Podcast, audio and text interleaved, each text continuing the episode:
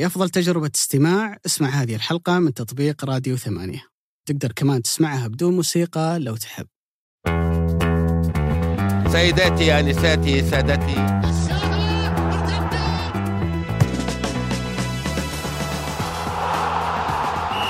السلام عليكم ورحمة الله وبركاته. أسعد الله أيامكم وأوقاتكم بالخير واليمن والبركات. وحياكم الله في الحلقة الرابعة من الموسم الثاني في بودكاست مرتدة. سعيدين جدا أن نرا- نرافقكم في هذا الموسم الثاني. ونسولف كثير عن تفاصيل الملعب السعودي وعن الجولة السعودية. وبنكون أسعد أكثر إذا قرأنا منكم في خانة التعليقات. أتوقع أبو علي نفسي في خانة الوصف ما في شيء يكتب إلا وأقرأه آه، لأن إحنا نعتقد دا- دائما أنكم جزء من هذا الملعب ما أنتم على المدرج.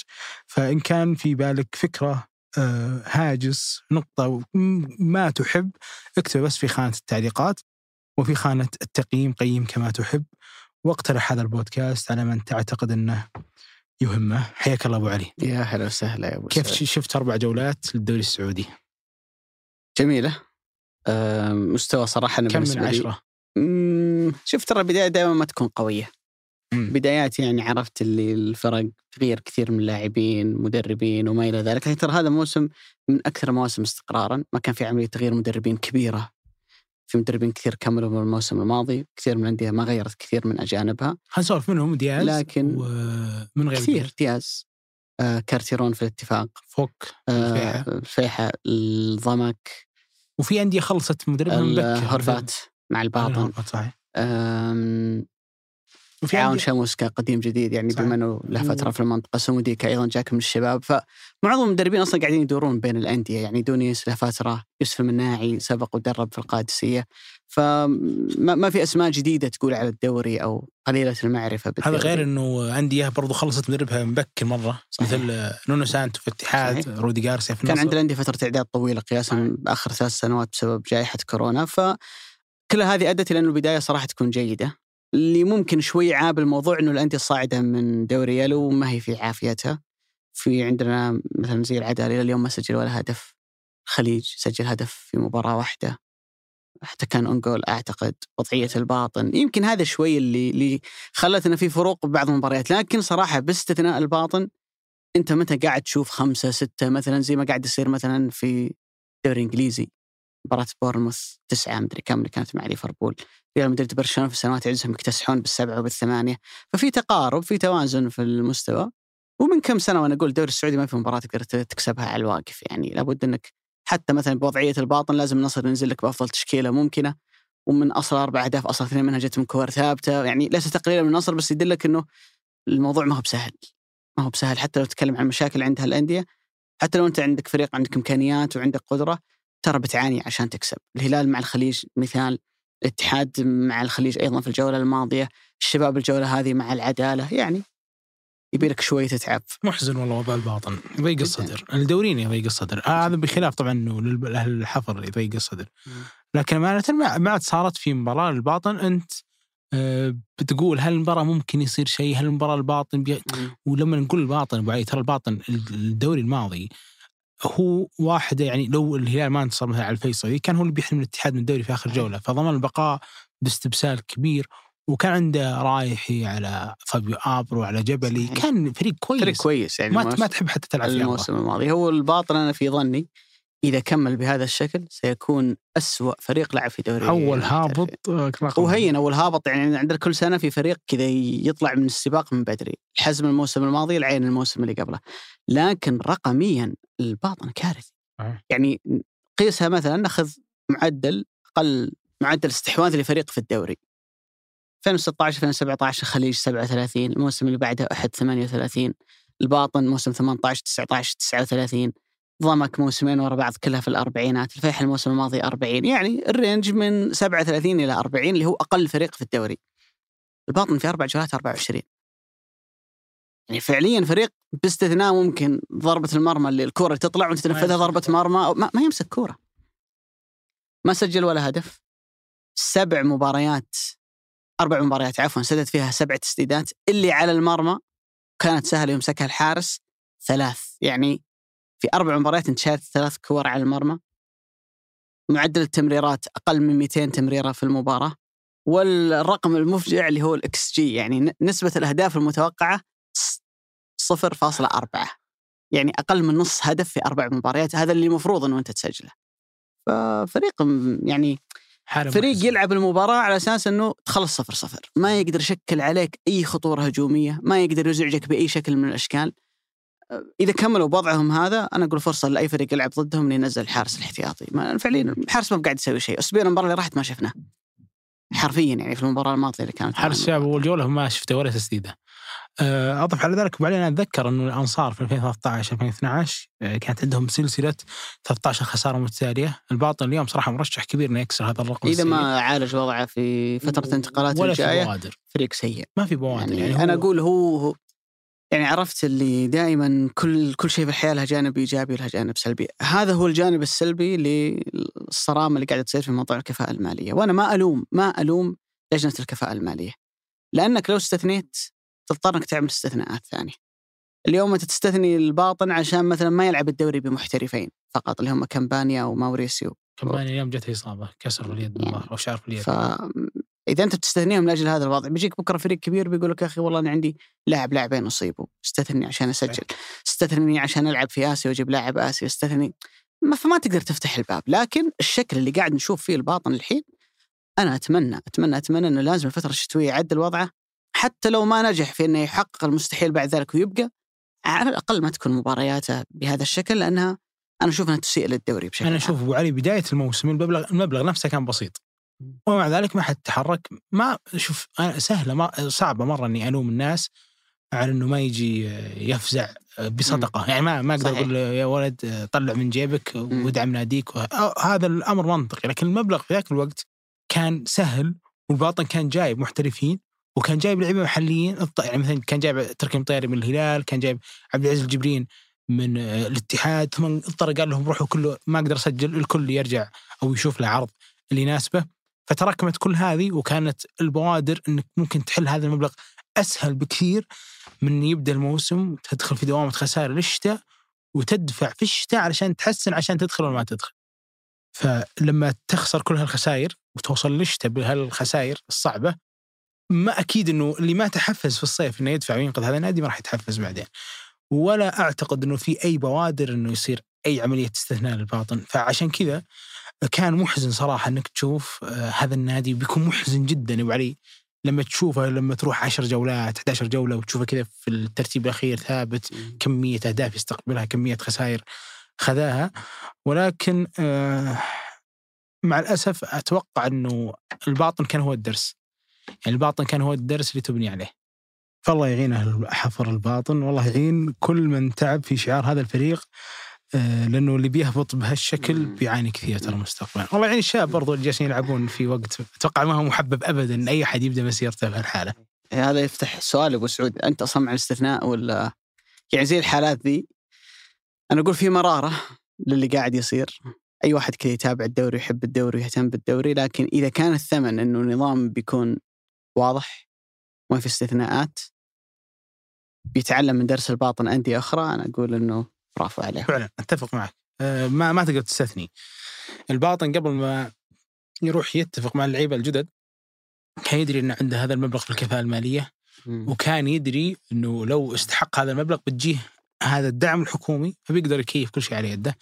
بس انها أتوقع الخطأ الاداري هذا كلفهم شيء الكثير الصرامه زينه هو وجود وجود دعم للكل ونظام يكافئ المتميز ويعاقب ال- المسيء أو المخطئ له جانب سلبي لكن جانب الإيجابي إنه في أندية كثير جالسة تتقدم تتطور فتح تعاون ال- الفيحاء الطائي صراحة من أكثر الانديه اللي قاعدة تتميز الفترة الأخيرة حتى في أندية هبطت أبو علي مم. لما ترجع للدوري ترجع بكمية آه، ثبات. عناصر. لأن دعم هذا منه مثلا الوحدة اليوم. صحيح. رجع نسلمو عنده آه، لعيبه المحليين سواء آه، حارسه مستدعى أيضا منتخب المغرب. حارس مستدعى منتخب المبرز مح- محمدي. وبوتيا ثابت. تكلم عن فيصل فجر صفقة كانت كويسة. ويدبخ شوين كابتنهم ثلاث سنوات. فما كانوا يقدرون يثبتون هالعناصر لو ما كانوا يحظون بهذا الدعم. الحزم ترى لما صعد وهبط عفوا هبط وصعد والحين هبط مرة ثانية. ولا جون على كمية ست- كلينبيرغ لو تتذكر المهاجم اللي يعير أبها. وكان واصل لأنه ينافس على هداف الدوري. كان برضو رجعوه الموسم الماضي فكانوا يملكون آه، زخم عناصري كويس. ولكن الله يعين أهل الحفر. سؤالنا العريض أبو علي في هالحلقة آه، جايت بعد تبعات قضية كانت كبيرة في الوسط. وانتهت القضية تقريبا بعد قبل أسبوعين ولكن عودة عبد الرزاق حمد الله صادفت إنها تكون أول مرة في ملعب نادي الاتحاد في هذه الجولة وسجل فيها هدفين.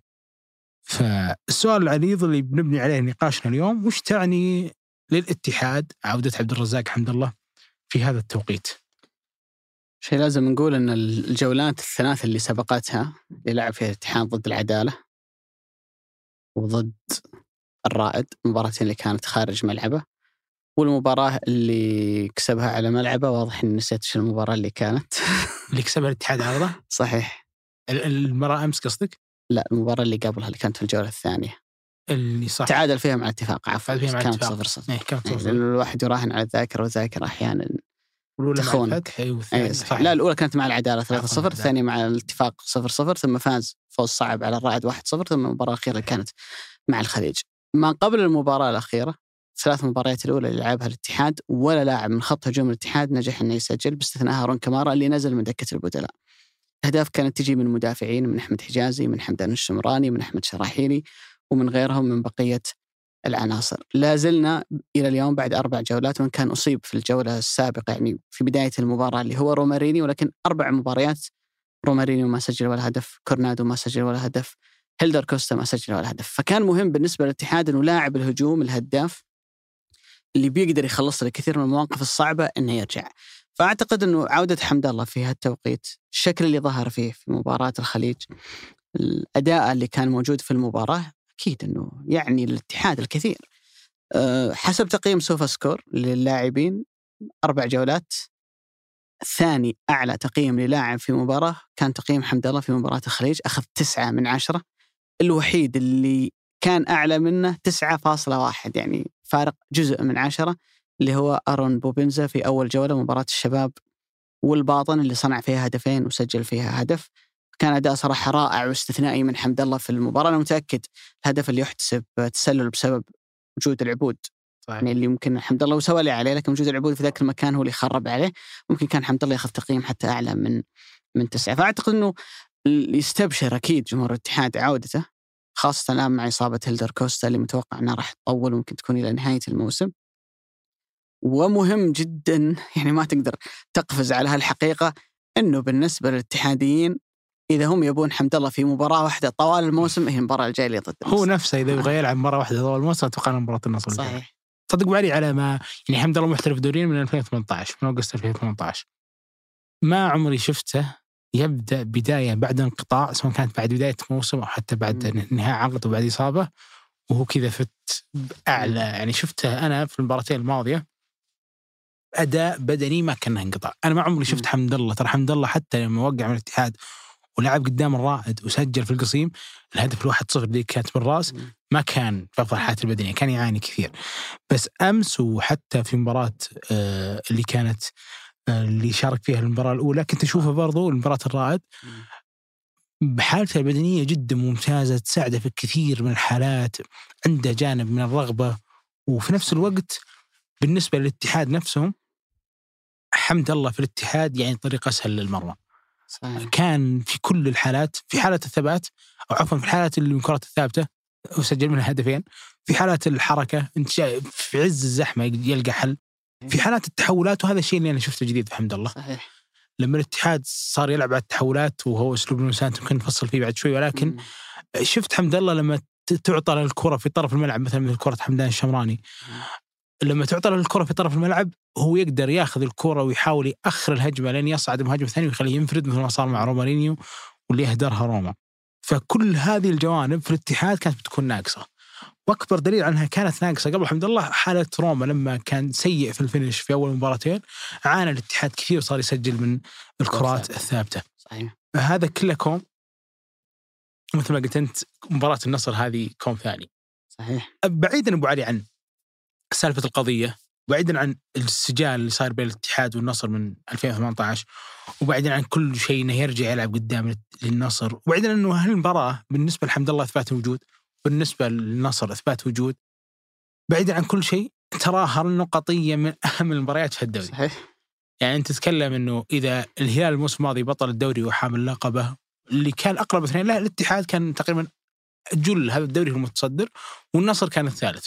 فهالفريقين اللي أعتقد إنه في بداية الموسم قبل ما يتالق الشباب كانوا مرشحين مع الهلال آه لبطولة هذا الدوري. لما دخلوا أول خمس جولات وتعثروا تعثر الاتحاد بالتعادل والنصر بالخسارة بتزيد عليهم تكاليف التعثر بالخسارة والتعثر في المباراة الجاية. اللي صحيح الهلال بيلعب مع التعاون مباراة ما هي سهلة ولكن لو كسب الهلال بيكون هالمباراة كل نتائجها للهلال كويسة وكل نتائجها على خسرها سيئة. صحيح يعني ان تعادلوا فان الهلال بيفرق، إن خسر الاتحاد عفوا إن خسر النصر بيفرق عن الهلال والشباب ست نقاط على الأقل، إن خسر الاتحاد بيفرق عن خمس نقاط، فالمباراة هذه صعبة جدا، فان يعود حمد الله في الوقت اللي يحتاجه الاتحاد، في الوقت اللي يصيب فيه روما، في الوقت اللي طلع فيه هيلدر كوستا بإصابة صعبة، في الوقت اللي برضه يصيب فيه البيشي كحل هجومي إحنا نتكلم أحيانا ثلاث لعيبة يمكن يغابون عن حل الاتحاد مم. الهجومي مع أحمد شراحيلي مع مهند شنقيطي مع الأسماء داعي. كأنك داعي الاتحاد من السماء كذا فجأة حمد الله جاء مم. وبأي شكل جاء مم. فأتفق هو, شوف في الجانب. السلبي إنه الفريق ممنوع من التسجيل في الفترة الشتوية. فكان الأمل إنه حمد الله هو أشبه بصفقة الشتاء يعني إنه أنت بت- بتبدأ الموسم رومارينيو كورنادو هيلدر كوستا كثلاثي هجوم وبعدين على نص الموسم بيجيك لاعب fresh متحفز اللي هو حمد الله وبيعطيك بعد ثاني، الآن المشكلة إنه مع الإصابات اللي قاعدة تصير من الحين وجود حتى لو عاد حمد الله فعليا خلاص الاتحاد عبارة عن 11 لاعب اساسيين.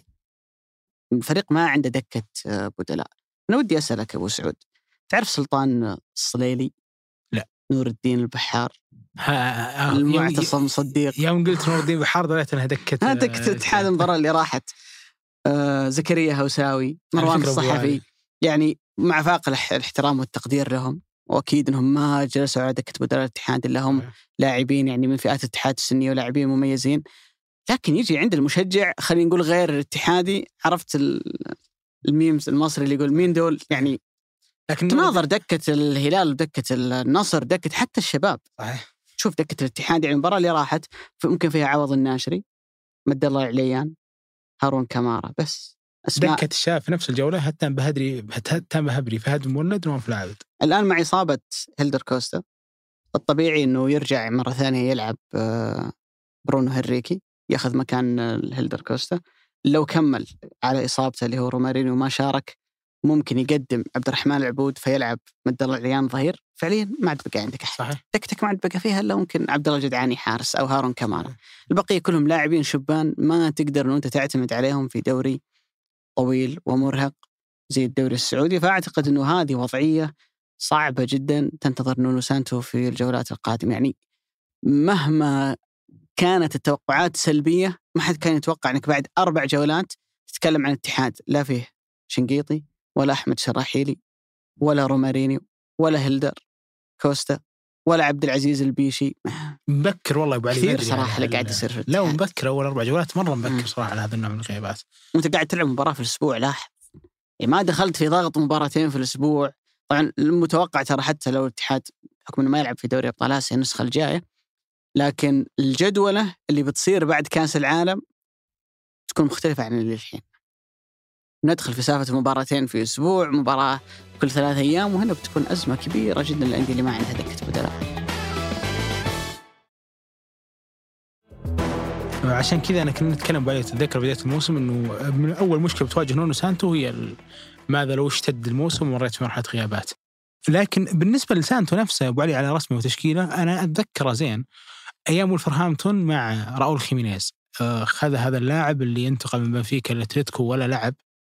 من إعارة إلى أن جدد معه أو عفوا شرى عقده وقدم لاعب جدا ممتاز وأمانة كبروفايل كشكل يشبه كثير حمد الله خيمينيز آه، لا يعني أطول شوي يعني. أطول ممتاز جدا في الرأسيات حمد الله جدا ممتاز في الرأسيات. كلهم ذكيين في التحرك كلهم بالكرة ممتازين وكلهم مع انهم ما هم أسرع ما تتمنى لأنهم لما تلعب معهم في مرتدة لو ياخذ الكرة ما تحس إنه بيعكه وبطيء. ف أو حتى راؤول الكاسياني كنت أتذكره في. فالنسيا.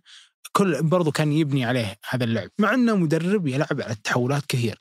الا انه لما جاء حمد الله فعلا بدأ يطلع من حمد الله النسخة اللي أنت تتمنى إنك تشوفها من عبد الرزاق آه حمد الله. لكن نقطة ال- اللي هم اللعيبة الغائبين أتوقع أبو علي شهرين كأس العالم التوقف هذه الاتحاد لو ياخذ فيها كل نقطة يقدر ياخذها بتتحسن له الأمور تدريجيا حتى لو انضغط. هي أربع يعني جولات. متبقية. يعني هي بتكون مفصلية جدا لأنه أنا الواضح بوضعيه هلال الشباب النصر الاتحاد والتقارب الكبير هذا بيكون في نهاية الدوري متوقع بيكون الفارق بسيط جدا يعني ما راح. تشاهد فارق كبير بين الأول والثاني مثلا يعني الفريق اللي بيفوز بالدوري يحتاج إنه يهدر أقل قدر ممكن من النقاط. ولكن على الاتحاد نفسه كيف شفته في المباراة؟ واحدة من أميز مباريات الاتحاد على جانب على جانب الذكاء انه الفريق كيف يدير مباراه. آه، وأثر حمد الله أتوقع على هذا الموضوع بشكل هي كبير. أكيد أكيد يعني. لكن تتكلم على فكرة إنه كيف تدير مباراة. م- تذكر تكلمنا بعد مباراة العدالة كان عندي استغراب إنه العدالة كان مسيطر على الكرة أكثر. صحيح. الاتحاد كان يلعب على ردة الفعل وكان أنا أنا من الناس اللي بصراحة عندي استنكار للموضوع هذا. إنه إمكانيات الاتحاد وشكل الاتحاد يخليك آه، تطالب الفريق إنه يلعب بطابع هجومي أكثر من اللي أنت شفته. لكن الواضح إنه خلاص نونو سانتو حيكمل على هالنظام يدعم الموضوع كمية الإصابات اللي قاعدة تصير عنده قلة خياراته في دكة البدلاء لأنه في نهاية الأمر تتكلم عن فريق الموسم الماضي معظم فترات الدوري كان متصدر، فريق قادم من دوري يلو ما في منطق إن الخليج يمسك الكرة 59% في ملعبك. لكن إذا أنت بتختار إنك تلعب بهالأسلوب خلاص هذا قرار نهائي بالنسبة لنونو سانتو هذه منهجية راح يمشي عليها. ودائما أنا من الناس اللي يقول إنه العبرة بالنتيجة. اللي بيوصلك للنجاح والفوز أنا ما عندي مشكلة، أنا أنا ضد اللي يرى إنه كرة القدم لابد إنها تكون كرة بيب، دائم هجومية واستحواذ ولعب ممتع وجميل، لا لا. في في نموذج، في نموذج الإيطالي، في نموذج الألماني، في عدة نماذج.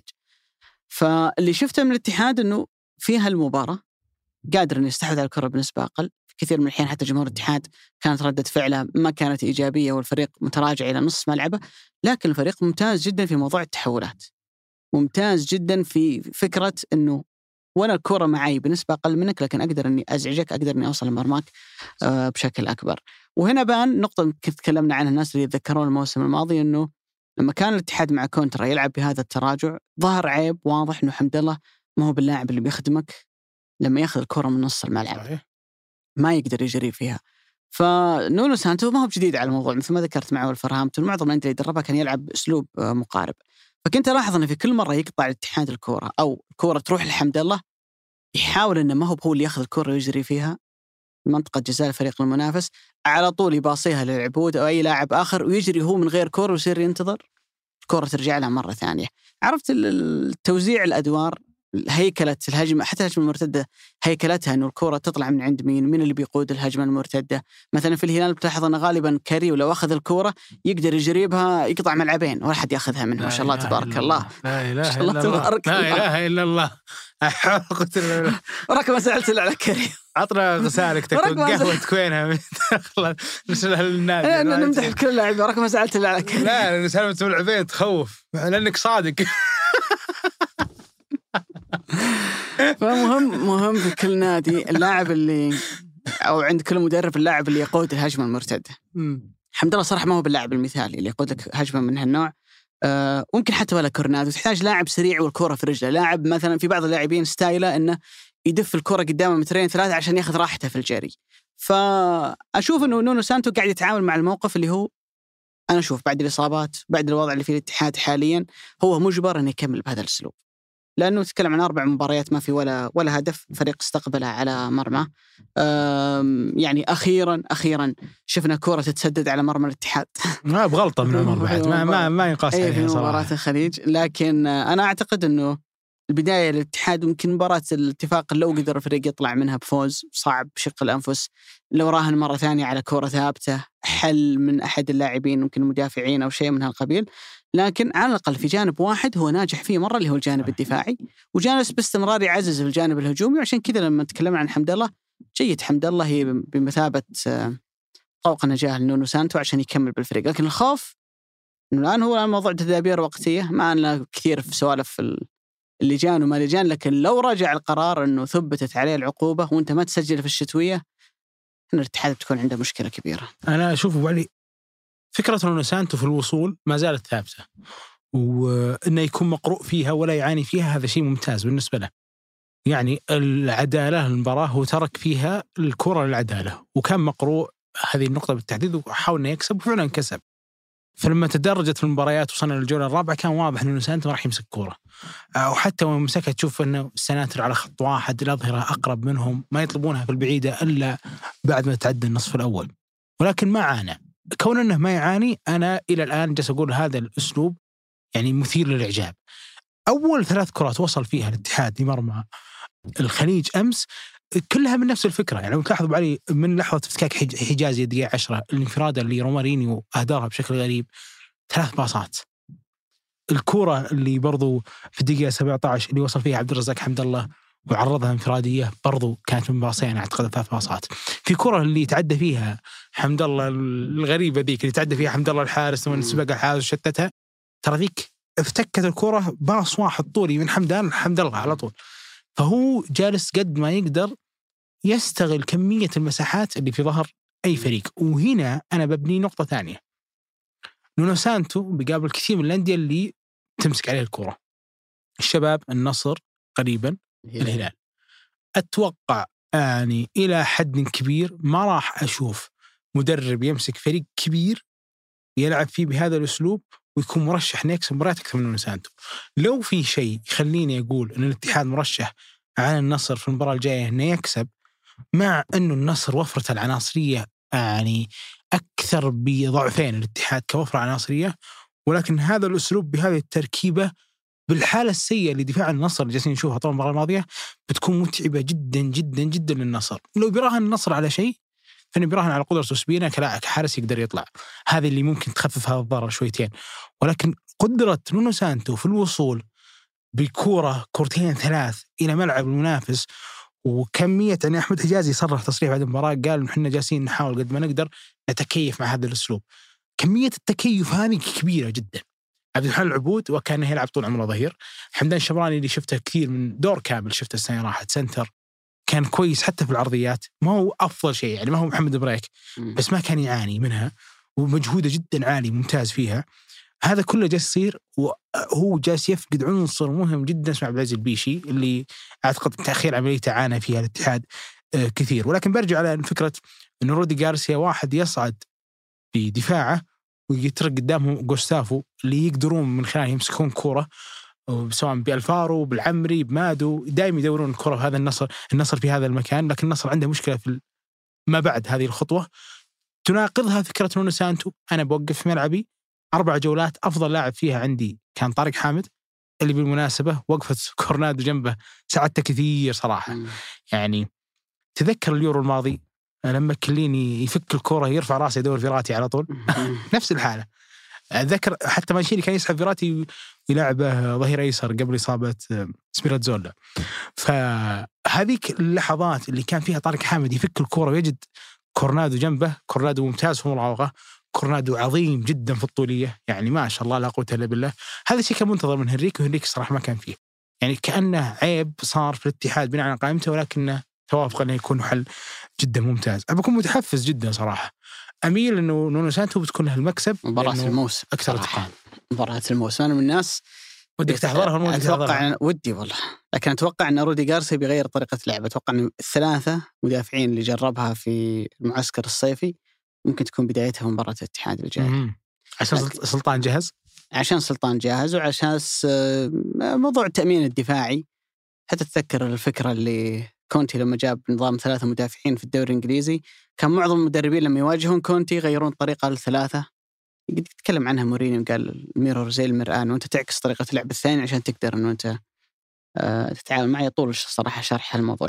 واحدة من الملاحظات المهمة في مباراة الاتحاد والخليج ما قبل المباراة الثلاث مباريات اللي سبقتها وبشرك إني حفظتها زين اللي هي العدالة والاتفاق والرائد الاتحاد عمل 208 هجمة. الجهة اليمين الواحده 101 وسط الملعب واليسار مع بعض 107 يعني كان الفريق مايل حاذف يمين. على زي. زي ما يقولون. اتكال كامل على موضوع العبود واللي أنت تكلمت عنها اللي هي القطرية الطويلة اللي تجي من كورنادو للعبود في ظهر ظهير الفريق المنافس وبعد ذلك السعي لكرة عرضية. في مباراة الخليج اللي أول مرة مع نونو سانتو تكون الهجمات من جهة اليسار هي أكثر جهة في الملعب. 18 هجمة من اليسار 15 هجمة من منتصف الملعب و17 هجمة من الجانب الأيمن. فواحدة من الملاحظات أيضا اللي كانت في هالمباراة رقميا احصائيا تأخذها كأرقام ودلالات لكن حتى وأنت في الملعب تتفرج يعني أنا من الناس اللي أروح أدور على الرقم لما أشوف ملاحظة في المباراة. إنه الفريق كان مشغل الجانب اليسار الجانب اللي فيه حمدان آه وهيلدر أصلا قبل لا يصاب فكان يعتمد عليه بشكل كبير. فخلق أيضا نوع من التوازن في الحلول الهجومية بالنسبة للفريق. وأعتقد أنه بداية الاتحاد قياسا بظروفه. 10 نقاط من أصل 12 كنت دائما أقول بداية الموسم الاتحاد يحتاج إلى بداية قوية عشان اللاعبين والمدرج والكل يقتنع إنه الموسم الماضي ما كان استثناء. زي ما نافسنا نقدر ننافس مرة ثانية. بعد مباراة النصر الجاية اللي بتكون آه، في آه، أعتقد بعد أسبوعين بالضبط وبعد 10 أيام. بعد أسبوعين 2 أكتوبر. إيه. 2 أكتوبر. يوم الأحد. وتكون في ملعب النصر. الجو بيكون أفضل بكثير بيكون بداية الشتاء. آه ف- وتكون مباراة في الساعة 9 يعني اللي بيحضر بيقضيها سهاري هنا. اي عيبها بس إنها يوم أحد يعني لو هي ويكند لو هي يعني. سبت. مم. لكن آه، بحالة الفريقين تميل لمن؟ أنا قلت اميل للاتحاد. كونه ممكن يكسب. والله شوف هو يعتمد على على جارسيا. الاسلوب اللي بيلعب. فيه. يعني أنا ما ما ودي إنه نقدم طرحه والكلام وكمان لو إنه سانتو هو الذكي وجارسيا هو الغبي اللي بيلعب عليه. يعني أكيد إنه هو قاعد يشوف مباريات الاتحاد. وقاعد يشوف الفريق إنه ما يمسك الكره وعارف إن الفريق كويس في التحولات. وعارف إن لاعب زي حمد الله آخر شيء تتمناه إنك تحطه مثلا لاعب ضد لاعب. بس هل المعرفة مع, مع؟ لاعب. أكيد لا. ما أحيانا في بعض المدربين شايف المشكلة بس ما هو بلاقي حل يعني أنا أتذكر هو أنا أتذكر وعلي بن جارديم لما دخل قدام النصر في مباراة استاد الملك فهد اللي كانت العصر. لما خسر. كان يدري إن روسو له مباراتين مثبت اظهرته ما يطلعهم. ويدري إن أطرافهم أيمن يحيى خالد الغنام يعني التزامات دفاعية كبيرة. يدري الموضوع كله لو بكر طولية والتريسكا اللي ما بعدها. ولا كفى. فأنا جالس أفكر هل أصلا رودي جارسيا بعد كل هذه المباريات بيقدر يغير أسلوبه؟ طيب بافتراض إنه غير التشكيل ولعب ثلاث سنترات ودخل سلطان الغنام. وهذا شيء وارد. واعتمد على المجهود البدني الرائع جدا عند سلطان. وعند كونان صراحة هم ممتازين جدا في هذا الجانب. أه، أنا بتكلم عن نقطة اللي هي ما هي المرتدة اللي تكون في ظهر الظهير ولا هي المرتدة اللي تكون في ظهر ال center اللي تكون في ال half space هذه اللي في. ال center في ظهر ال center الثالث. هذه النقاط بالتحديد لما يأخذها المهاجم مثل حمد الله لما يركض بشكل قطري في هذا الجانب في ظهر ال center أفيد له بكثير من انه يأخذها في عمق لأن لو أخذها في العمق ال center تدريجيا ممكن يقفل زاوية التسديد بينما هذه العكس تماما في الاتحاد الفترة الماضية أنا شفت كثير حتى في أيام رومارينيو القطريات ترسل كذا يا على زاوية منطقة الجزاء اليمين أو على اليسار إذا ما كان طبعا للعبود لأن العبود هو اللي دائما ما شاء الله شغال في هذا المكان. ولكن لو افترضت أنا إن النصر بيلعب بهذه النقطة فأنا أعتقد النصر عنده سنترين يعانون من هالنقطة. عبد العمري وعبد الله مادو. أنا أعتقد إنه اللي بتلعب في ظهر سلطان الغنام بالتحديد وبتكون عند العمري واحدة من أكثر الأماكن الخطرة على النصر وأتوقع أنه بيستهدفها الاتحاد. لأني شفت المباراة الماضية حالتين من أصل ثلاث تلعب في هذا المكان وشفت في نفس الوقت عبد الله ما هو في أفضل مستوياته ممكن ما ألومه بس هذا واقع. وشفت برضو سلطان الغنام كان لاعب عائد من إصابة. فالرتم العالي هذا اللي بيستهدفه نونو سانتو بيكون جدا مغري له حالة النصر. هل ممكن النصر يترك الكورة للاتحاد أو يقاسم حالاته الدفاعية؟ أنا أقول ممكن 15 دقيقة من شوط 10 دقائق من شوط لكن واحيانا أحيانا شكل. الفريق يغريك لما الفريق يتراجع إلى نصف ملعب أو يعطيك الكورة. يغريك إنه أنت. خلاص تبي تدور الكورة وتستحوذ ويكون لك حيازة عالية آه، عليها المؤكد أنا بالنسبة لي إنه هي من المباريات اللي اسمين كبيرين يعني كل واحد منهم جاي من سي في ومن تجربة على مستوى أوروبا عندهم أسبوعين يحضروا للمباراة يراجعون كل المباريات السابقة عندهم وقت دائما أقول إنه من أمتع المباريات تكتيكيا هي نهائي دوري أبطال أوروبا لأنه ما بين نصف النهائي والنهائي حوالي شهر فعندك فترة طويلة تمزمز على منافسك وتدرس. بالضبط يعني فيجي كل فريق تحس انه عنده فكرة واضحة أو سيناريو واضح للمباراة إن شاء الله بس تكون مباراة حلوة وش اسوء. ما في النصر وش اسوء ما في الاتحاد؟ أسوأ شوف أسوأ ما في الاتحاد تبي انه أجاوب عنك قبلها لا خليني. راحتك. أسوأ ما في الاتحاد الحلول الهجوميه ما هي ما هي ما هي أعلى شيء ما هي في أعلى يعني في أعلى حتى لو شارك رومارينيو الشيء اللي شفته منه في الأربع مباريات الماضية ما هو مغري ولا إيه. كورنادو يعني كورنادو.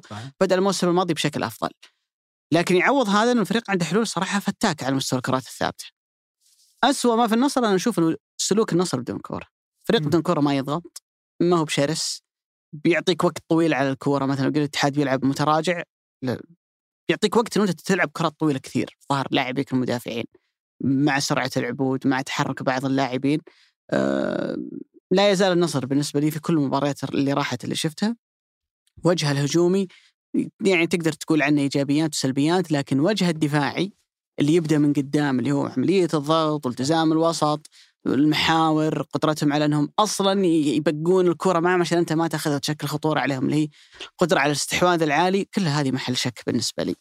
لكن أنا أتوقع إنه وفي الاتحاد؟ التخو أكيد الدكة أكيد الدكة. لكن إذا بتأخذ إيجابية عند ال- ال- الاتحاد أنا أعتقد إنه حمد الله التحفز الكبير اللي موجود عنده. يعني- طبيعي. يعني ذكر العام قلنا اتذكر عبارة أنا قلتها قلت آخر شيء تحتاج إنك تغضب حمد الله يعني يدخل المباراه وهو مشخصنها معك.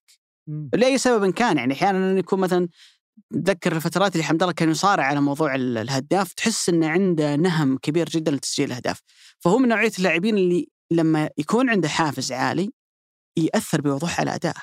في نوعية لاعبين ما شاء الله تبارك الله لو يلعب ضد أي فريق لو فريقه ما ينافس لو هو متحفز دائما لكن في نوعية لاعبين ممكن حنا العرب ترى يفرق معنا الموضوع هذا كثير. يعني مثلا ترى في شواهد عديدة مثلا لاعب زي محمد نور. كان ياخذ مباريات الهلال بشكل وطابع عن أي مباراة مع أي فريق ثاني ودائما ما يؤدي ضد الهلال أفضل أداءاته. فأنا أعتقد إنه من هنا كم عندنا مباراة في الدوري؟ 30 جولة في ثمان 240 مباراة إذا أنا جيد في الرياضيات. كم بينزل فيها لاعب؟ لا يوجد لاعب في الدوري من بدايته لنهايته بيكون متحفز المباراه زي حمد الله المباراة الجاية. انها بكرة المباراه أكثر ما هو متحفز وجاتها من الله. أنا أتوقع إنه اسوء في ال- هو ألفارو. هو ألفارو؟ هو ألفارو بيصير طحن. يعني اتمنى انه طحن بالمعنى الإيجابي يعني إحنا ما نبغى وش الطحن بالمعنى الإيجابي؟ الظاهر إنه ما. في ايجابي لكن أعتقد هو لا ألفارو عنده ترى عنده. تجارب صحيح. اي يعرفون جمهور النصر عنده تجارب مع ميسي مع نيمار ومع صحيح صحيح. حتى في الدوري الفرنسي أيوه عاد وحمد الله عاد لعب يعني كيف أقول لك أصلا مستفز لأي مدافع معه. لكن أنا أتوقع حمد الله يختار المدافع اللي يلعب عليه. وذكي أنا أتصور. كذا إنه يختار المدافع اللي يلعب مم. يتحرك عليه. ترى نمط حركته في الغالب يحب يميل لليسار يلعب مع ال center. اليسار ويقص دائما في ظهر ال center يميل يوقف مع ال center اليمين. مثلا okay خلينا نقيس على الهلال عشان الصورة تكون واضحة. يوقف مع جانغ. ولما يجي يتحرك يقص في ظهر البليهي. يعني المدافع القوي أنا أكون واقف معاه والضعيف اللي ممكن مثلا ما يعرف يدور أو الكورة في ظهره أو في ظهره ما يشوفني. هو دائما يروح بهالاتجاه. يعني في نوعية مهاجمين لا يقول أنا أصلا بوقف مع المهاجم الضعيف لأني بقدر أحضن عليه بقدر أدور بالكره بس المهاجم اللي نمط حركته إنه يروح للمساحة لا يتحرك دائما في ظهر لما نقول مدافع ضعيف ترى ما يعني ما هي تقليلا لكن غالبا أي سنترين راموس فاران أي. مثلا دياز لابورت في واحد منهم أعلى من الثاني لو بتكه. فهو دائما يركز على اللاعب اللي أنا عندي فرص أكبر إني أتفوق عليه. عشان كذا أبو علي أنا أشوف إنه واحدة من أكثر الأشياء اللي برضه هو خطير فيها عبد الرزاق حمد الله إنه في عز الزحمة اللي أنت ما ما تقدر في وقت تمسك فيها كورة هو بحركة الجسد ممكن يلعب عليك. يعني مثلا الهدف اللي كان بالرأس خطوة للامام راح السنتر خذها هو على الأولى. الهدف الثاني برضه كان نفس الشيء. أنا أتذكر آه، واحدة من أكثر الأشياء اللي كانت تنجح علي البليهي قدام حمد الله في يمكن حدود أربع مباريات علي البليهي لعبها فن كمان تمام حمد الله كلها كان ممتاز فيها إنه كان يمسكه. مم. وش الفائده من إنك تمسكه بس ما تشده؟ صح. أو لو تشده بلنتي. مم. بس وش الفائده إنك تمسكه أو تحط يدك عليه؟ خل تمسكه إنك تلمسه. تحسس عليه. لما تحط يدك عليه أنت عارف هو وينها هو لو راح يمين راح يسار أنت okay أنت قارئ يعني أنت عارف. فكان البليهي صراحة في هذه النقطة دائما تشوف يده على صدر حمد الله يده على كتف حمد الله. صحيح إنه أحيانا هذه النقطة حساسة إنه لو تشد شوي بلنتي. لكني أتذكر زين علي البليهي كان يده على حمد الله طوال فترة ما قبل ال pass. من وقت يطلع pass يمكن يفك يده. فهذه النقطة بالتحديد آه، بتساعد كثير أي center يلعب قدام حمد الله. في مباراة الخليج هذه الهدفين ما في أحد. كان يعني okay كتف في كتف صدر بظهر والرقابه قريبة بس لما يتحرك يطلع منك. فهذه واحدة من المشاكل اللي أتوقع حمد الله والله هي عليها. مباراة يا أبو سعود. والله هي مباراة. يعني أنا أعرف ناس والله من كل مكان متحفزين يعني من الكويت من أكثر من مكان صحيح. يحترون بس متى المباراة تجي عشان يجون ويحضرون أنا ممكن ما أحضرها عشان مباراة هاو التعاون قبلها فبيهمني كثير شو مباراة هاو التعاون. لكن آه، اللي بيحضرها فعلا بيشوف ليلة يستمتع، آه، صحيح. تاريخية ملعب جميل وأجواء جميلة وزي ما قلت الجو بدأ يزين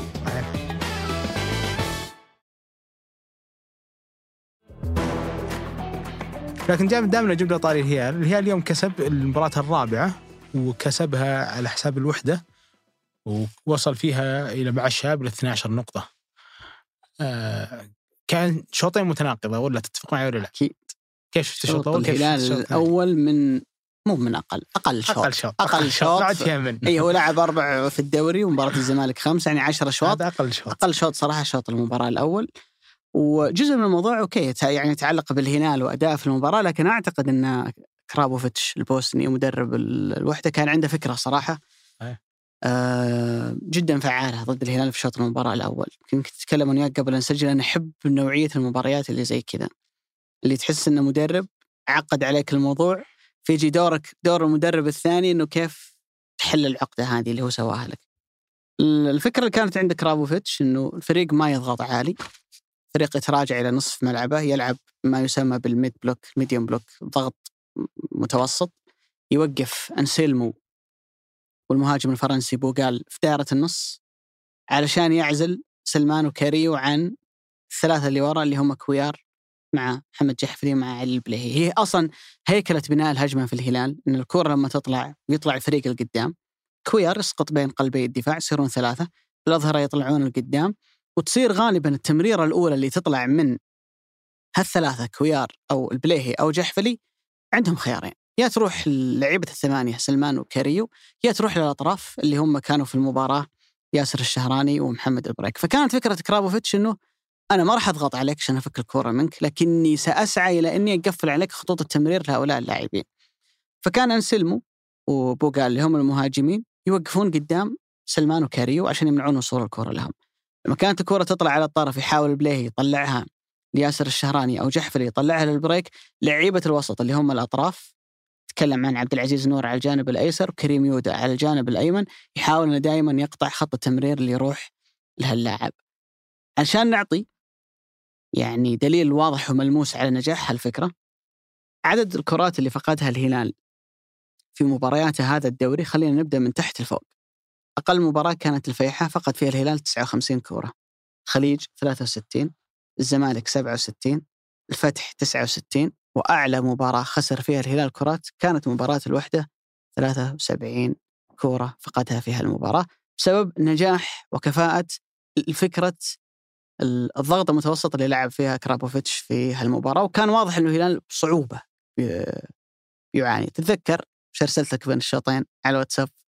قلت إنه المهاجم آه، وانسلمو أي قلت مرة. عجبتني وقفتهم طريقة. اي وإن الهلال يحتاج إنه يشرك ثلاثي المقدمة يكون الحل من سالم ماريجا إيغالو ينزلون للخلف كثير يستلمون كورة أو كور طويلة.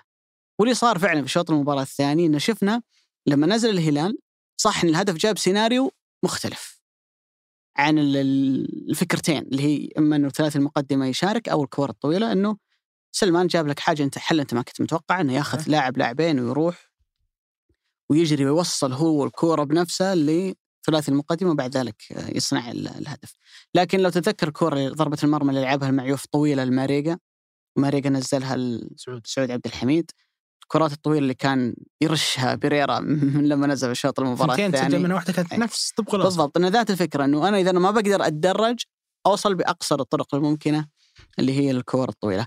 كان أيضا عند دياز فكره ذكيه في شوط المباراة الثاني لما نزل بيريرا وأنا استغربت صراحة إنه نزل مكان كاريو، يعني كاريو صح أداءه ما كان ذاك الزود في المباراة لكن كاريو حل مهم بالنسبة لك على الأقل في الحلول الثابتة.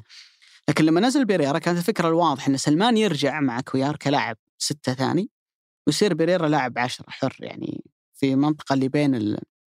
بين دفاع ووسط الوحدة. والفكرة هي إنه إذا أنت ما تبغى تضغط علي الوحدة تنتظرني لين ما أطلع التمريرة الأولى أنا برجع لك سلمان للخلف. وبيصير عندي بدل ما هو واحد اللي يطلع الكورة اللي هو كويار بيصيرون اثنين.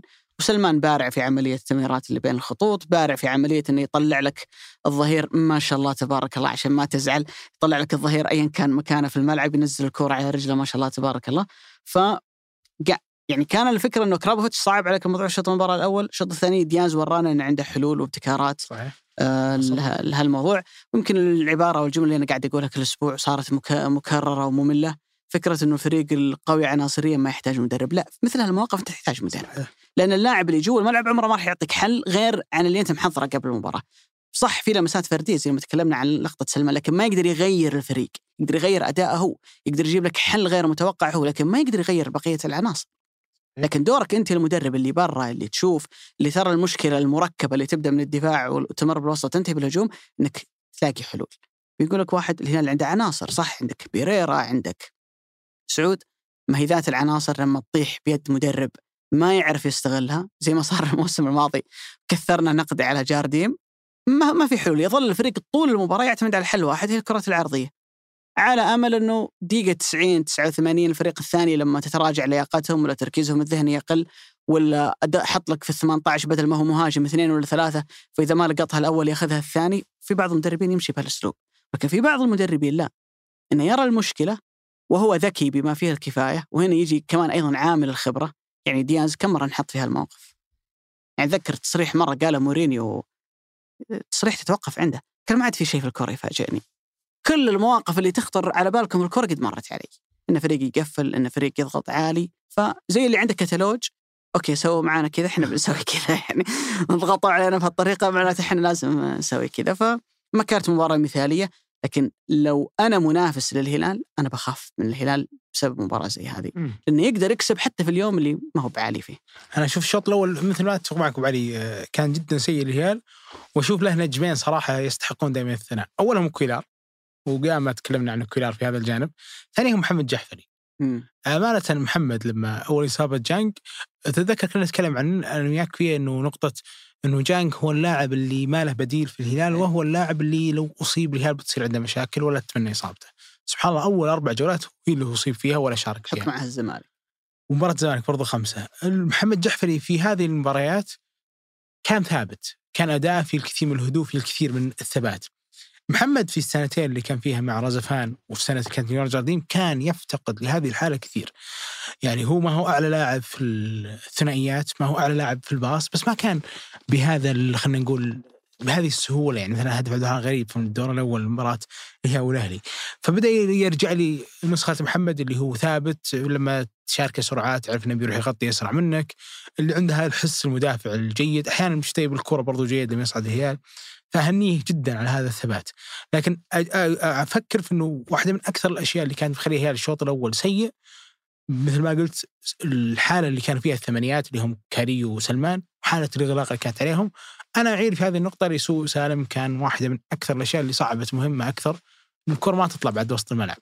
لأنه أكيد إنه موسى مريقه ما هو اللاعب اللي يسقط في العمق يستلم الكره وظهر المرمى طبعا موسى ما هو هذا. بس سالم مثلا في مباراة الفيحة سوى هذا الشيء جاب باص من بريرا انفكت وتسجلت. سالم يمر بحالة سوء متراكمة ومع الاسف انه سوء في القرارات ما هو سوء في الحالة البدنية. تحس إنه في الحاله الذهنيه يعني لو تجي تجي أبو علي تشوف مثلا هدف فييتو على الفتح سالم سدده قدامه سنترين مسكرين الزاوية راح شاتها في ال center راحت فييتو وضيع اللي قبلها اللي كانت سهلة قبلها. جدا. القرار هنا يا أبو علي إنك المفروض إنك تباصي فييتو فييتو كان منفرد. الهدف برضو اللي كان آه الأخير اللي هو آه على رحمة الله المباراة اللي كانت آه ما بين الهلال والخليج في المباراة الأولى لما فك الكرة من جمال بلعمري وانفرد وجمال كان يلحقه أو ال center الثاني كان يلحقه صحيح وكان يقال. نفسه في الطرف اليمين أو صحيح. ما كان ما كان خيار مثالي إنك تسدد ذيك اللحظة. سدده في حالة سيئة رجعت من الحارس اللي قال وسجلها قال هدف فييتو المباراة اللي ماضية برضو نفس الشيء. فييتو مسند نفس الحالة اللي استلم فيها فييتو كره من سعود عبد الحميد سالم سددها في المرمى. طلعت من المرمى لسعود أعطاها فييتو وتسجلت. فالسوء هنا في سالم في القرار تربطها مع اللي صار في مباراة الفتح موضوع التغيير إنك تحس إن اللاعب أكيد. حاب نفسه بزيادة. أو يحس إن الهدف هو اللي بيكسر عليه هذه الحالة. هذه مشكلة صراحة. ويجب على سالم إنه يعرف والله ما يعيبك ان جلست دكه يعني لو تجي تشوف اليوم 300 أعتقد 80 دقيقة لعبها هو في الدوري مرقة 317 واحد من ميشيل اللي أعتقد إنه فتح باب الدوري هذه السنة الماضية ما تعدى 44 دقيقة. ما يعيب ميشيل يجلس دكه وإن كان ميشيل اليوم يعاني كثير عشان من الدقائق عشان يرجع ميشيل اللي انت عارف السنة راحت. لكن بالنسبة لسالم لو جلس في الدكة حماية له تألق هذا الفريق نزل في مباراة وقتها ضئيل هو فرق فيها الكل بيصفق له. نفس الموضوع اليوم يصير مع بيريرا. نفس الموضوع اليوم الناس تشيد ببيريرا لأنه حمي بالدكة نزل في مباراة صنع فيها الفرق اليوم جالس الناس تسأل ما تشوف بريرا تغير مستواه ما تشوف بريرا يعطي أفضل ما عنده؟ لأنك حميته بينما سالم اليوم أعتقد هو يحتاج أنه يستوعب ترى ما يعيبك دكة يعني واحد مثل ماريجا مسجل ثلاث أهداف ومقدم أسيست ومبارياته كبيرة، واحد مثل ميشيل كل ما نزل تحس إنه يعني بيموت على الخانة، فشو المانع إنك تتذكرهم وانت في حالة سيئة، حالة سيئة في القرارات، حالة سيئة في التنفيذ، حالة سيئة في الحالة البدنية. أسوأهم صراحة كانت في الحالة الحالة اللي تتعلق بالقرارات. في اللحظه اللي تحت لسانه بيعطي باص هاي بيسجل تلقى سالم يشوت. في اللحظه اللي تحت لسانه يسدد تسديدته يا تكون برأس القدم يعني تكون ما, هي كويسة. فمع الأسف إنه سالم جالس يعيش هذه الحالة أتوقع كل ما جلس على الدكة هو أمر بالنسبة له شيء كويس في اللحظات اللي فيها واحد مثل ميشيل جالس يبي هذه الخانة.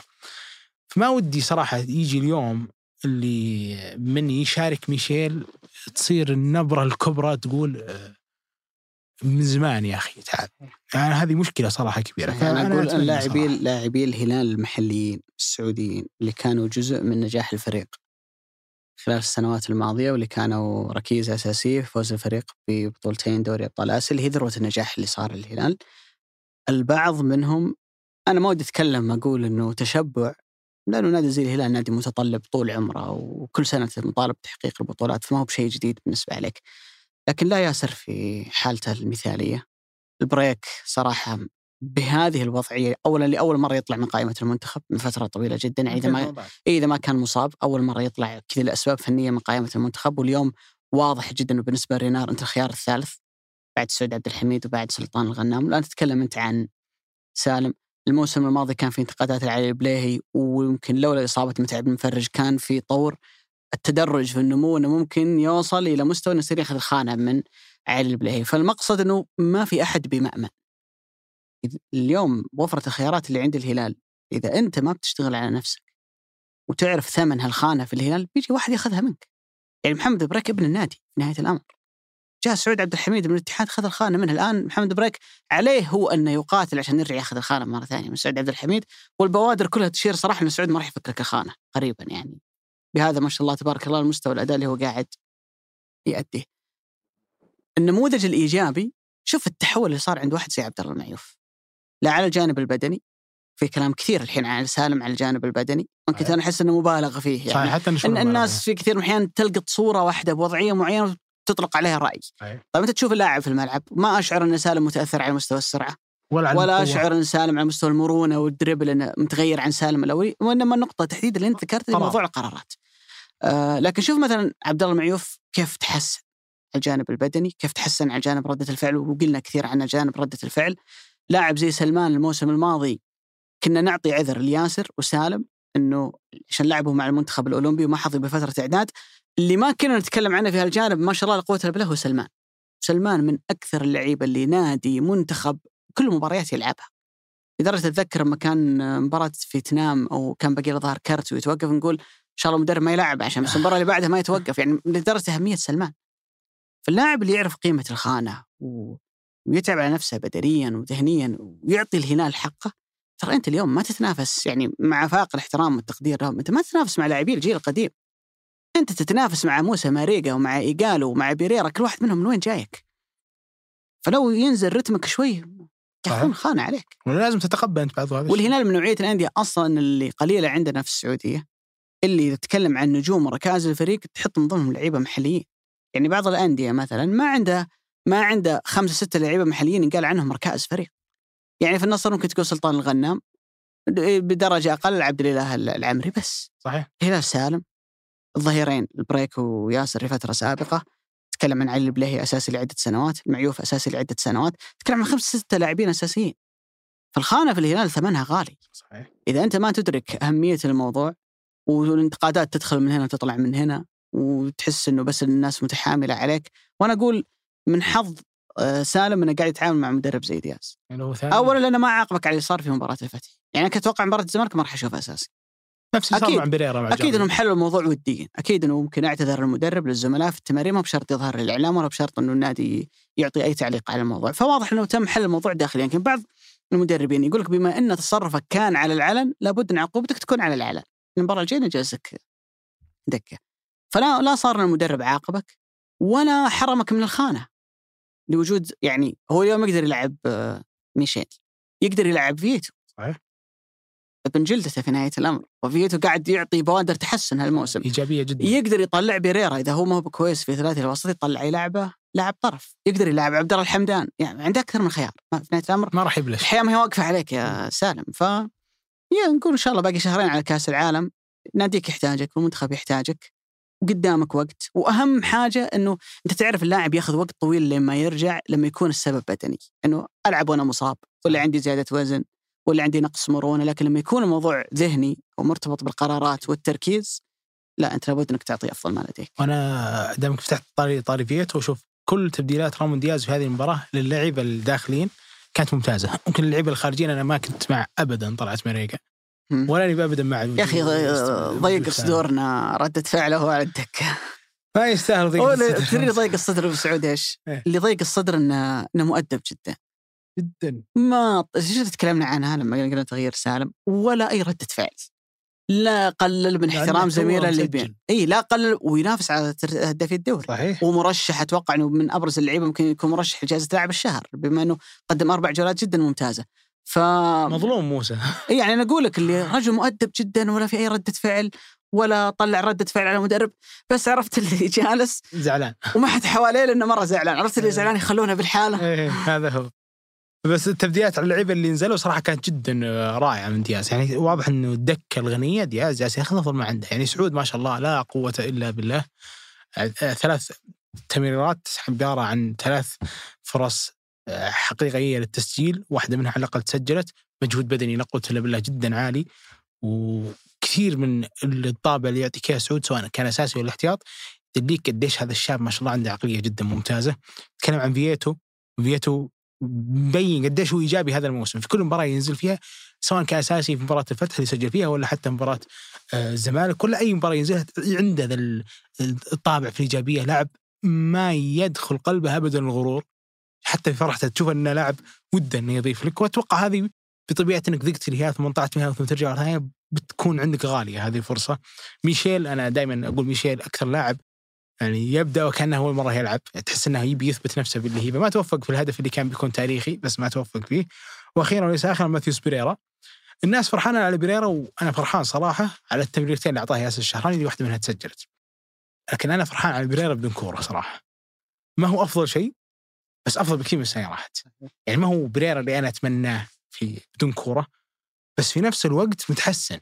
أه حركته مرونته اتخاذ القرار أول ما تجي الكرة يدليك إنه شايف الملعب قبل ك- كمية ال- الكرات اللي جالس يطلبها كمية الكرات اللي, اللي تحسسك فيها إنه ما هو اللاعب الهزيل مثل السنة راحت على الأقل يعني ما نزل الشوكة والملعقة اللي كان يلعبها في الوقت حلو الوصف إيه. صار ياكل بيده يعني. زين آه زين شيء. في نفس الوقت هدف موسى مريقة يا أبو علي. إيش الفينش هذا اللي في باطن القدم ولكن في نفس الوقت شيء في السقف مم. وش الشعور اللي جاك ابو سعود؟ نشوة هو يشوتها آه، لا لا. لا لا, لا. إيش قصدك كان ضرك لو شتها قدام كيبا آه،. شفت كل كورة تجي المريقة في ذيك الجهة من الملعب جمهور الهلال يقول طب مرة ما. شتها كذا قدام تشيلسي ما عليه موسى صراحة أنا بالنسبة لي يحق له كل شيء لأنه من خذ عرض الملعب خطوتين وأنا أدري إن لو جته الكره بيفنشها بعدين يسقفها في سقف والله ال- قلنا أبو سعود الكلام عنه يعني يمكن الموسم الماضي. آه، نقطة صراحة جديرة بالذكر إن الواحد يكررها. ترى صعب إنك تلعب برجلك اليمين وتشوت تجيك الكورة على خلينا نقول اللي هي زاوية خط الستة. زاوية لأن الزاوية هذه. ضيقة عليك، زاوية ضيقة. ضيقة. فدائما حل آه، مريقا إنه يرفعها شوي وتروح القائم البعيد. صح. لا لا شبكها فوق. في السقف؟ فصراحة ممتاز جدا وبعدين يعني. التكنيك ابو علي أنا والله أطالب أي واحد يجي يشوف الإعادة الرابعة اللي كانت من جهة الحارس. ودي شو التكنيك ترى غريب مرة. وبعدين بس إنه يسويها كثير طبعا. بس التكنيك التسديدة يعني تحس إنه في جانب كثير من الموهبة ما هو جانب من التدريب. إنه يسددها ببطن القدم لكنها على العالي فوق والوضعية الجسم ماخذة ح- حالة الزاوية. هذه يعني تحس إنه هذه ما را- ما يشو- ما يشوتها كذا إلا مريقة. وأنا العالم تلوم الحارس. أنا والله ما ألوم محمدي صراحة. التسديدة قوية وفي زاوية الحارس غالبا ما يفكر فيها. يعني أكثر بعدين تلقاه دارس ماريجا وعارف إنه كيف يشوت. يحطها في اليسار إيه. في العادة. بس أكثر لاعب أنا يذكرني دائما يعكس قراءة الحارس كذا لدرجة انها تجي عند الحارس ويهنق ذكر واين روني كان يسويها كثير. فلما سواها ماريجا حل على الهلال شيء كثير ترى كمل. لو سددها في التسديدة المفتوحة وفي الزاوية المفتوحة وصدها محمدي ترى ما راح استغرب هو هو ترى الحارس ممتاز. واهداف ماريجا تقدر تقيسها بالكم بالعدد. والله ماريجا سجل كذا في عدد دقائق كذا. لكن ترى في معظم أهداف ماريجا مع الهلال كانت أهميتها تنضرب في اثنين ولا في ثلاثة. يعني غالبا تلقى أهداف ماريجا الهدف الأول في المباراة اللي يفتح لك المباراة. صحيح. عكس مثلا بعض اللاعبين اللي يسجل لك المباراة خلاص خلصانة يعني. أكيد على سبيل المثال الهدف اللي سجله ضد النصر الهدف الثاني اللي خلص المباراة فيه أمام بوهانج الموسم الماضي أتوقع كانت ضد التعاون اللي كان في آخر الدقائق وكثير كثير أهداف بالنسبة لماريجا اللي تجي للهلال في وقت تكون المباراة يعني هو يحتاج إنه يفك لك المباراة بهالهدف. من حظ الهلال صراحة إن عنده هدافين ممتازين زيه وزي إيجالو. واحد منهم غالبا في أي نادي يكفي لكن لما يكون عندك خيارين مختلفين للتسجيل الموضوع جدا بيكون ممتاز. آه، خلال السنوات الماضية فترة رزفان تحديدا يعني كان في تغني بكفاءة الجهة اليمين اللي فيها كاريو ومحمد البريك والتفاهم الكبير اللي بينهم. أعتقد أنه إحنا اليوم نعيش فترة ماريجا وسعود عبد الحميد. الجانب الأيمن. صح ممكن الاثنين قياسا بالبريك وكاريو ممكن أقل مهارة لكن على مستوى الأداء البدني اللي عطى الشيخ موسى بدنيا فوق رونالدو ما ظلم صراحة. أها إيه. قصدك في الفيفا. ما شاء الله لا قوة إلا بالله بدنيا ما له حل ما له حل. شفت الفيديو صح؟ اي شفتك. شفت كل حقة الأندية السعودية. جميلة جدا. يعني أتوقع أنها من طبعا أكيد الشركة هي مستفيدة يعني لأنه السوق السعودي سوق كبير جدا بالنسبة لهم لكن لما يعني شركة بهذا الحجم ولعبة بهذه الأهمية تركز على محتوى الدوري السعودي دورينا يستاهل وينحط اليوم في مصاف البطولات ال- العالمية الأكثر أهمية صحيح وأنا أتفق صراحة إنه سوق يعني أنا نقول لو كسبه أي شركة سواء شركة تستهدف الرياضات الإلكترونية ولا غيرها هم الكسبانين. آه، لكن في نفس الوقت ضاق صدري على طاقات بعض اللعيبة صراحة بس مظلومين صراحة. أنا ما أدري كيف آه، سلمان الفرج هذاك التقييم ما يعني ترى فيفا كل ما نزلت اصدار في كل سنة تصير موجة لازم يصير في الجدل هذا. اللعيبة كلهم. بس من فريقك المفضل على الطاري في هذا الموضوع؟ في إيش؟ فيفا ولا ما تلعب فيفا بعد؟ لا والله إني لعلي لعلي اعتزلت ما عادني زي أول صراحة لكن شوف بالعناصر اللي موجودة إيه. يعني بالأسماء اللي موجودة أنا بحب إني ألعب بالهلال. لأنها خيارات. طب وتنق أنت بتلعب أربعة أربعة اثنين أربعة ثلاثة ثلاثة بتلعب ثلاثة دفاع. عندك وفرة عناصر يعني عديدة وعندك لعيبة في الجانب الهجومي. إذا خذ الكورة ما حد يقدر يفكها منه ف ستايل لعبي أنا ممكن أميل أكثر باتجاه الهلال. امم والله هين أنت ما يحتاج أسألك يعني. مين بقول أنا؟ أتوقع أنا يعني على هذا الإصدار يعني بكون مقل. ولكن الله يسمعنا خير، الاصدار إن شاء الله بيكون مميز عشان كأس العالم. بإذن الله تعالى. فيه منتخبات، شكرا لكم علي. شكرا لك الله يعطيك ألف. عافية. شكرا لكم، شكرا لمروان الضبيبان في تسجيل وتحرير هذه الحلقة. وفي الهندسه الصوتية عبد العزيز المزي وفي الاشراف على الإنتاج صالح بسلامة، هذا بودكاست مرتدة. أحد منتجات شركة ثمانية للنشر والتوزيع. نلقاكم بإذن الله. بداية الأسبوع المقبل.